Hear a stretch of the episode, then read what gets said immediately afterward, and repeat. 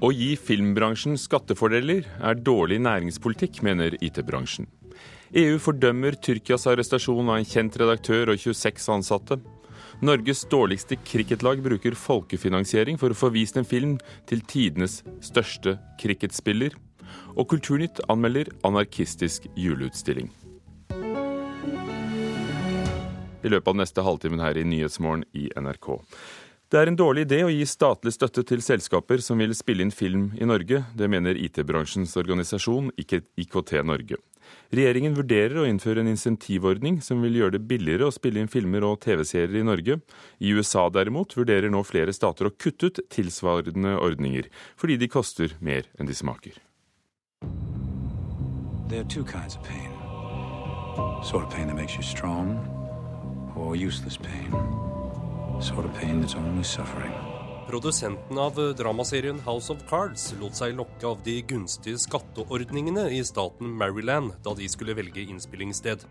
Storsatsingen fra Netflix ga håp om økt turisme, flere jobber og større inntekter, men nå viser en ny rapport at ordningen har vært et pengesluk.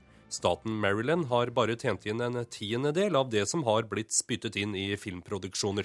Hvis noen får en særordning, så er det faktisk noen andre som må betale. Det sier generalsekretær i IKT Norge, Per Morten Hoff, som er kritisk til at regjeringen vurderer å innføre en lignende ordning her til lands. Vi er ikke i tvil om at dette er gunstig for filmbransjen, men det store spørsmålet er om er det gunstig for landet. Filmbransjen har kjempet lenge for å få på plass en insentivordning som vil gjøre det billigere å spille inn filmer og TV-serier i Norge.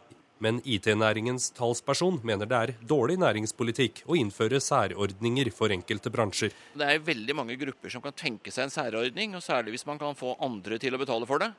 Hvis nå da filmprodusenter eh, får refusjonsordning, så vil det vel sannsynligvis være andre grupper som roper om det samme. Og Da er vel spiralen i gang.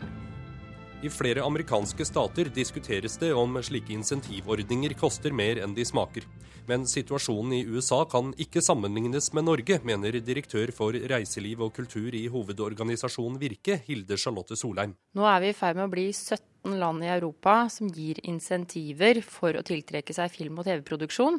Og det er mange andre land internasjonalt, og evalueringene viser at dette lønner seg for de landene, fordi at dette er inntekter man ikke ellers ville hatt. Solheim viser til en undersøkelse som legges fram i januar, som viser at insentivordninger har vært god butikk for mange europeiske land. Og Hvis dette er lønnsomt for land i finanskrise, som er desperate etter inntekter, så vil jeg tro at det er lønnsomt for de fleste. Dette hadde ikke vært videreført hvis man ikke vurderte at dette var en nasjonaløkonomisk en god idé. You force me up again. You're seeking answers. TV-serien Vikings og den kommende James Bond-filmen er bare noen av produksjonene som har valgt Norge bort som innspillingsland, fordi det rett og slett er for dyrt.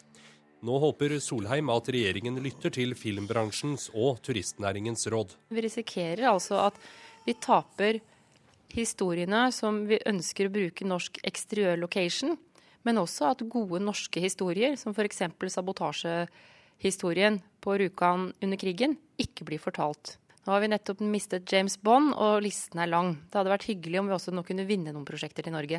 Jeg kommer opprinnelig fra Røros, og der har det jo vært filminnspillinger med et dukkehjem med Jane Fonda, som jeg selv var statist i. Du hadde en dag i Ivan Denisovitsjs liv. Og selvsagt har jeg også løpt etter Pippi Langstrømpe, som er tatt opp eh, på Røros. Alle de kom jo faktisk til Norge uten en krone i subsidier. Jeg tror ikke vi som skal se oss blind på at vi har tapt alle slag, om vi ikke får refusjoner. Det sa generalsekretæren i IKT Norge og altså forhenværende statist i utenlandske filmer spilt inn i Norge, Per Morten Hoff. Reporter Halvor Haugen. Nesten fjær fjerde billett er eh, delt ut gratis på enkelte av oppsetningene ved Den Norske Opera og Ballett i Oslo. Operaen rapporterer årlig om rundt 85% fylte seter på forestillingene, men deler ut flere gratisbilletter enn de fleste andre konserthus, skriver Aftenposten. Flere av høstens satsinger har hatt mellom 16 og 23% gratisbilletter. Storproduksjonen Ghosts, Ibsens gjengangere, har hatt flest ikke-betalende blant publikum. Norsk countrytreff i Breim i Nordfjord mottar millionstøtte som knutepunktfestival, men oppfyller ikke kravene til denne typen festivaler. Det viser en evaluering Kulturrådet har gjort, skriver Dagbladet. Knutepunktfestivaler skal være ledende i Norge innenfor sin sjanger, men Norsk countrytreff blir nå kritisert for å være lite nyskapende i valget av de store navnene på plakaten, og for at de ikke deltar på relevante bransjetreff. Lesere går over fra papir til digitale løsninger. Da flytter reklameinntektene etter. De falt med rekordfart for riksavisene i november. Omsetningen var 60% lavere enn på samme tid i fjor, viser tall fra mediebyråene. Samtidig er reklameomsetningen på mobil og nett-TV mer enn doblet i samme periode, skriver Dagens Næringsliv.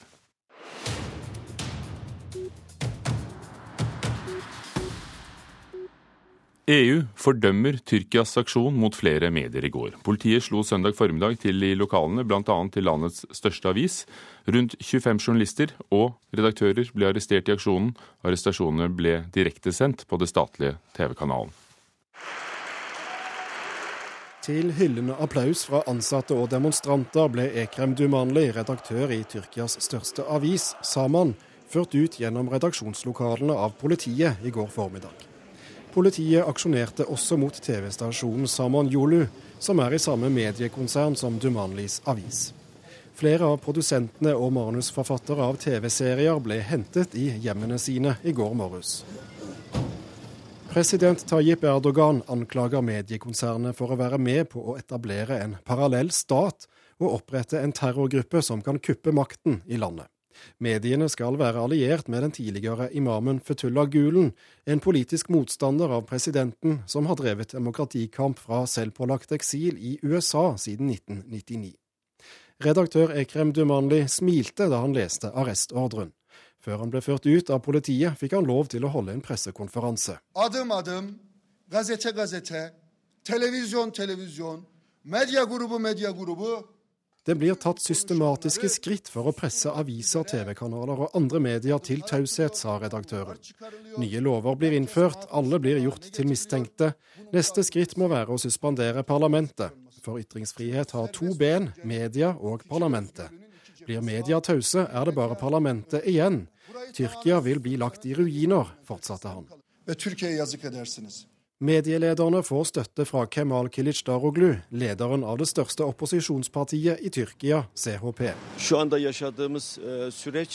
Prosessen vi går gjennom nå er noe som ikke skjer i friske demokratier.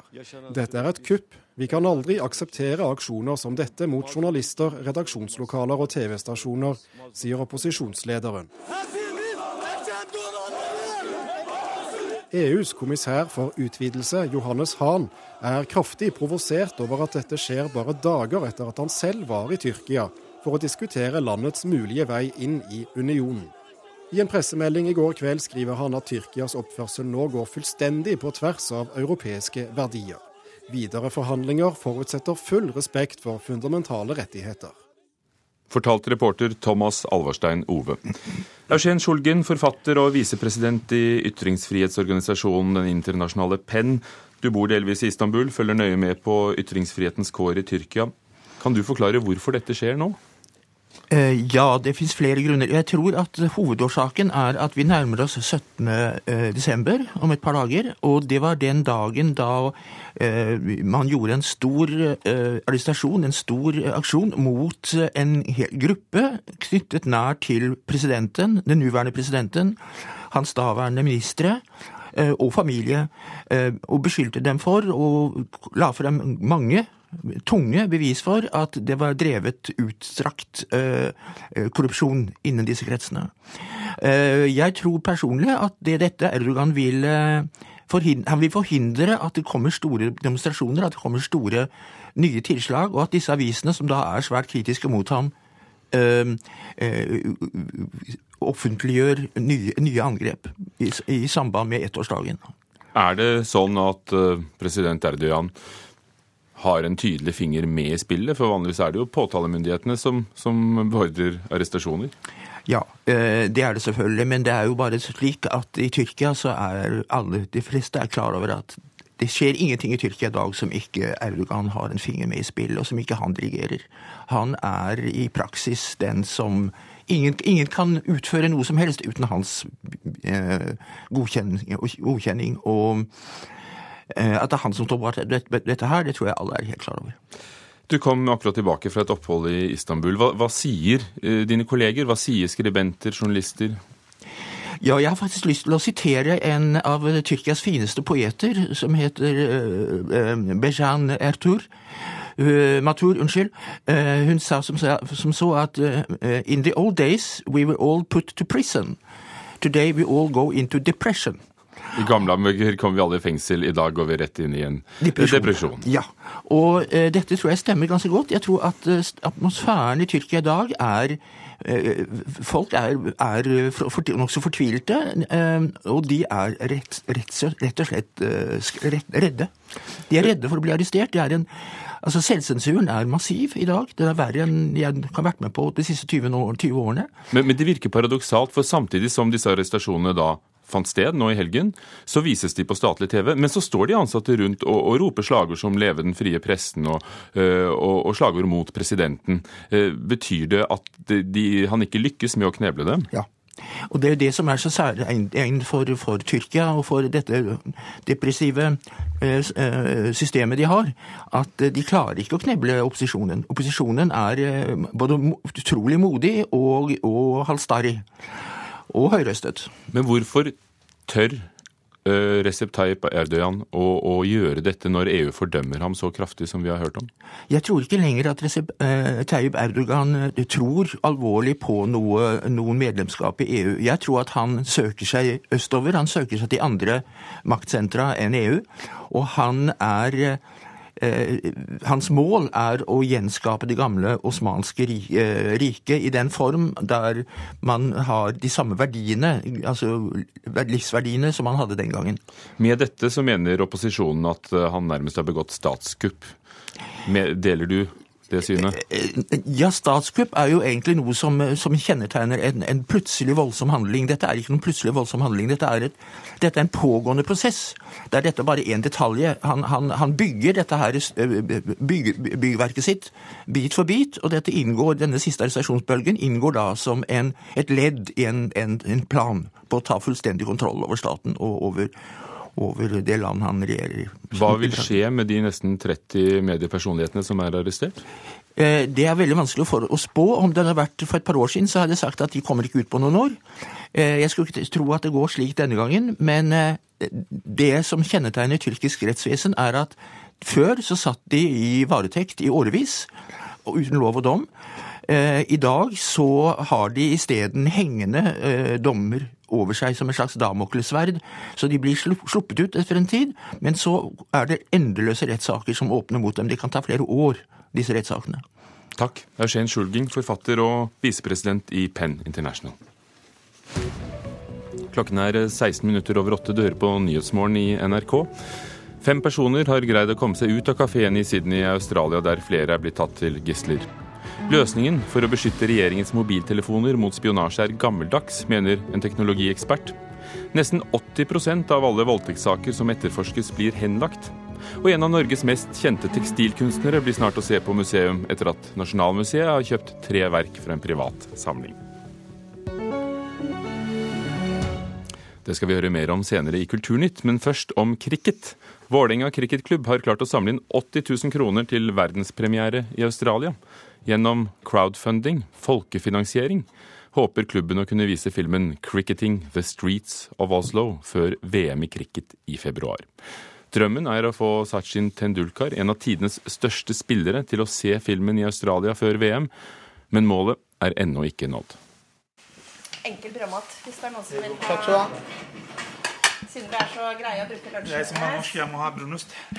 det er veldig bra, Nils. Er det halal? Det er halal. Ja, den er garantert halal. Produsent Eirin Gjørv serverer brødmat til hovedrolleinnehaverne før det siste mobiliseringsmøtet til gjengen bak filmen 'Cricketing the Streets of Oslo'. Gjørv og Vålinga cricketklubb har satt i gang en såkalt crowdfunding-kampanje for å få vist den snart ferdige filmen i Adelaide den 15. februar.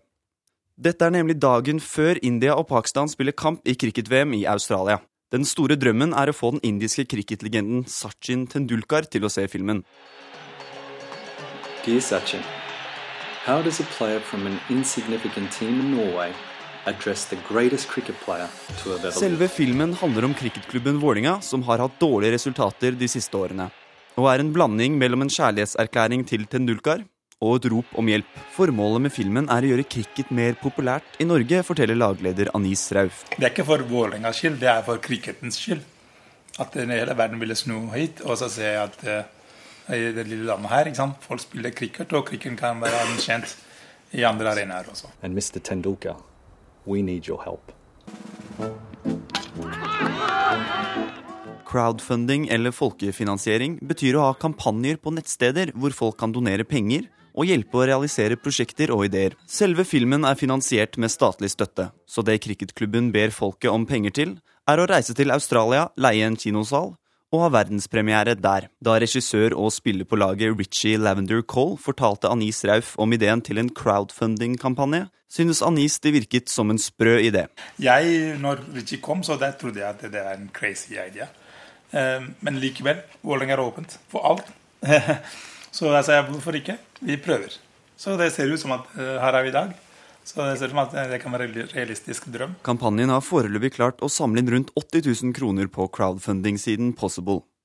Målet er å få inn 180 000 kroner før kampanjen stenger på fredag. Å finansiere verdenspremieren på denne måten kan skape engasjement hos publikum og samtidig markedsføre filmen, sier produsent for Cricketing the Streets of Oslo og kampanjeleder Eirin Gjørv. Bieffekten av crowdfunding er jo at du engasjerer publikum i det kulturproduktet ditt da, på en veldig tidlig fase. Så at man får ambassadører for prosjektet sitt.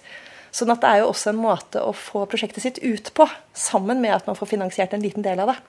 Så jeg tror det har et kjempepotensial, selvfølgelig. Gründeren bak den norske crowdfunding-siden bidra.no, Jan Olav Ryfetten, forteller at folkefinansiering på nett ennå ikke er et like stort fenomen i Norge som andre steder. Men dette er i ferd med å endre seg, tror han. Jeg tror det blir litt som Facebook.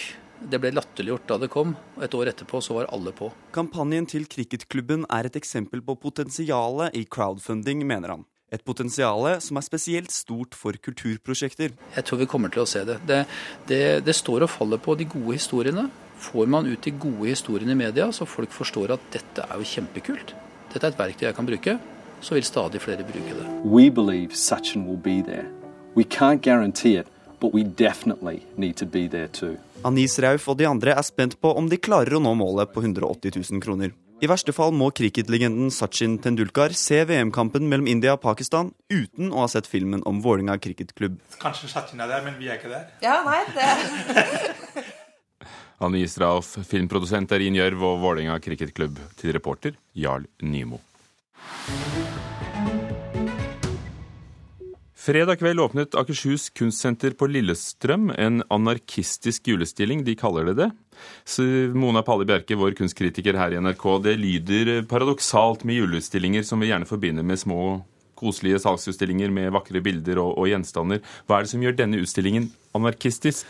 Ja, Det er jo det at de har åpnet galleriet og sagt at hvem som helst kan komme og eh, stille ut sine arbeider. Og de får jo da montere arbeidene selv hvis de finner en egnet ledig plass. Og også henge opp lapp selv og sette pris selv. Men det er vel en hva skal jeg si, eh, moderert anarkisme, da. Siden de har også gitt noen føringer på at eh, arbeidene må være så også store. Og... Ikke større enn et A3-ark, eller tilsvarende ja. hvis det er en skulptur? Ja, så det er jo nokså Det er jo ikke ren anarkisme akkurat. Prisene, da? Eh, nei, så Prisene varierer jo da selvfølgelig veldig. Det er jo helt con amore, satt av den enkelte deltaker. Med en så lav terskel, ingen terskel overhodet, så blir det vel en stor bredde i det som kommer inn? Det kan man trygt si. Her er det veldig mye rart og flott. Eh, her får vi også en del sånne fantastiske historier gjennom det hvem er det som kommer. Blant annet da en 90 år gammel dame som kommer sammen med sin 70 år gamle sønn og får hjelp til å montere blant annet en flott var, vakker aktstudie. Det er eh, f.eks. lastebilsjåføren som har kjørt mange mil for å få utstilt sine airbrush-malerier av bl.a. Elvis Presley. litt sånne shiny-bilder. Og det er en veldig fargerikt bilde av en Philip Januksukowski, en meget ung kunstner, og det står da med en følgelapp eh, av polsk opprinnelse, bor og er født i Norge og jobber uh, ut fra ren følelse, uhemmet av kunnskap om kunst. Og da ser du at han er født i august 2013. Så her, er det, ja, så her er det plass for både gammel og ung. Ser du det som, som, hva skal vi si, et pek? Ja, det er jo et pek til kunstinstitusjonen. Litt sånn uh, latterliggjøring av hvordan institusjonen uh, definerer hva som er kunst. Men noen profesjonelle har meldt seg på? Ja, det er det faktisk. Og det er jo gøy med de glade amatørene, men det er jo fint at enkelte profesjonelle kunstnere også har meldt seg. Vi har jo fått eh, Kirsti Grotmol og Sten Are Sandbekk, som er etablerte billedkunstnere, og Karen Disen, som er smykke- og metallkunstnere. For eksempel eh, Sten Are Sandbekk har jo hatt eh, separatutstilling på Trondheim kunstmuseum. Og så har vi en helt nyutdannet kunstner, Julian Bulai, som noen vil huske fra Oslo Open. Han lagde 70 kopier av Sinnataggen. Men i denne utstillingen så har han bidratt med en, en rektangulær trekasse som et lite titteskap, og inni har han sirlig plassert bitte små biter av Berlinmuren som sånne konkrete spor av historie. Kanskje som en historie som smuldrer opp, og det er jo ganske sterk nå med dette forsoningsprosjektet som vi kanskje føler er litt eh, fjernt eh, akkurat nå, med den litt kaldere vinden fra øst i det året som har eh, gått. Så det er ganske sterkt og aktuelt aktuell kommentar. Er det en god utstilling? Anarkiutstillingen på Akershus, Akershus kunstsenter? Man kan ikke si det ut fra vanlige standarder, absolutt ikke. Men det er klart at jeg syns dette er en veldig god idé. Fordi at dette blir på en måte juleutstillingen ut i det ekstreme. Juleutstillingen er jo en veldig håpløs sjanger. Så hvor jeg alltid undret meg om hvordan gallerister kaster alle ambisjoner til side og blir rene kunsthandlere og gjør sine gallerier til julemarkeder med en gang vi er i desember. Og dette blir på en måte en litt sånn harselas med denne type utstillingen, å ta det helt ut i ekstreme. Dette er virkelig ikke en kuratoriell tanke, men bare en helt fritt, og åpent rom. Og så er det jo en veldig sånn, for at eh, juleutstillingen er jo en veldig sånn salgsorientert utstilling. Dette er i hvert fall ikke en kommersiell eh, tanke bak, og det er en veldig mye mer sånn sjenerøs og åpen og inkluderende form for utstilling, som jo passer med julens eh, budskap på mange måter. Så jeg synes, jeg håper de vil gjøre det til en, en tradisjon. Takk skal du ha, Mona Palle Bjerke, om Akershus Kunstsenters eh, anarkistiske juleutstilling, som eh, kan ses på Lillestrøm i Akershus eh, til 21. desember, faktisk. Det skal fortsatt handle om kunst. Tre av tekstilkunstner Else Marie Jacobsens billedtepper er solgt fra en privat samling i Kristiansand til Nasjonalmuseet. Else Marie Jacobsen er en av Norges mest kjente tekstilkunstnere. Eh, hun har bl.a. laget Norges største billedvev, Den røde tråd, som henger på realfagsbygget på Universitetet i Bergen, og vevd altertavler til mer enn 30 norske kirker. Kunsthistoriker Janne Leite mener det nå er på tide at tekstilkunstneren får en plass oppkalt etter seg i hjembyen, og en eh, ny oppmerksomhet. Det betyr utrolig mye. Dette er, en, dette er noe av det viktigste på en måte som kunne skje hos sitt kunstnerskap. Janne Leite står bak boka 'Levd liv, vevd liv', som hun skrev i samarbeid med Else Marie Jacobsen før kunstneren døde i desember 2012. Eh, hun har blitt kjøpt inn før, men ikke med det politiske, det som faktisk sto i hjertet hos sitt nærmest, sånn som denne her trilogien. Så at den på en måte kommer nå i nasjonalt eie, og ikke privat, er veldig viktig for bevaring og for å formidle det videre. Dette er en seier for Else Marie Jacobsens kunstnerskap. Den politiske teppetrilogien Øst er øst, vest er vest og Broen, som nå er solgt fra en familie i Kristiansand til Nasjonalmuseet, ble vevd på slutten av 1960-tallet. Altså, jeg har jo da på en måte i en rekke tepper da protestert mot uh, dette med undertrykkelse. Jeg har en serie som heter Øst, og vest, øst er øst, vest er vest og Broen. Og i Øst er øst, der får jeg uttrykt hele min aggresjon mot kommunismen, som jeg er livredd for. Billedteppet Vest er vest er et oppgjør med Vestens materialisme, forteller Jacobsen i et radioportrett fra 1986. Det er slett ikke bare de typiske kapitalistene som skal arbeide mot materialismen, men det er det enkelte lille mennesket i hvert eneste lag av samfunnet. Det siste teppet i trilogien handler om å bygge broer mellom de to motsetningene. Det er de to der, og. Kunsthistoriker Knut Astrup Bull i Nasjonalmuseet viser fram bilder av teppene som foreløpig ligger nedpakka. Så er det vel Den gylne middelvei. Astrup Bull sitter i innkjøpskomiteen og sier det er to grunner til at Nasjonalmuseet ønsker seg akkurat disse tre teppene av tekstilkunstner Else Marie Jacobsen. Det ene er uh, Jacobsens posisjon i norsk tekstilkunst, uh, men det er også en periode hvor Nasjonalmuseet ikke har så mange verk eh, fra tekstilkunsten. Else Marie Jacobsen utgjør sammen med Hanna Ryggen og Synnøve Anker Aurdal pålene i norsk tekstilkunst i det 20. århundre. Alle disse kunstnerne var sterkt politisk opptatt, både i temaer eh, de tar opp i sine verk, men også eh, tekstilkunstens plass i samtidskunstfeltet og den kvinnelige kunstnerens plass i eh, den gangen veldig sterkt hierarkisk eh, og konservativt kunst eh, hva skal vi si, landskap. da. Det er ennå ikke bestemt når bildeteppene skal stilles ut. Men at de kommer frem en gang i fremtiden, det er jeg 100% sikker på. Det er Janne Leite i Kristiansand glad for. Jeg syns hun har blitt litt usynlig nå etter hun døde. At kanskje prosessen med å gjøre oss synlige igjen og ta vare på hos sitt kunstnerskap som by, eh, må begynne igjen. Janne Leite til reporter Miriam Grov om tekstilkunstner Else Marie Jacobsen.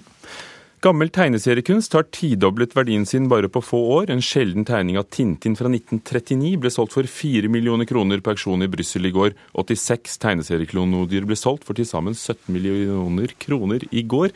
Og det er det siste vi rakk i Kulturnytt, som var ved Frode Thorshaug, Espen Alnes produsent og Ugo Mariello programleder.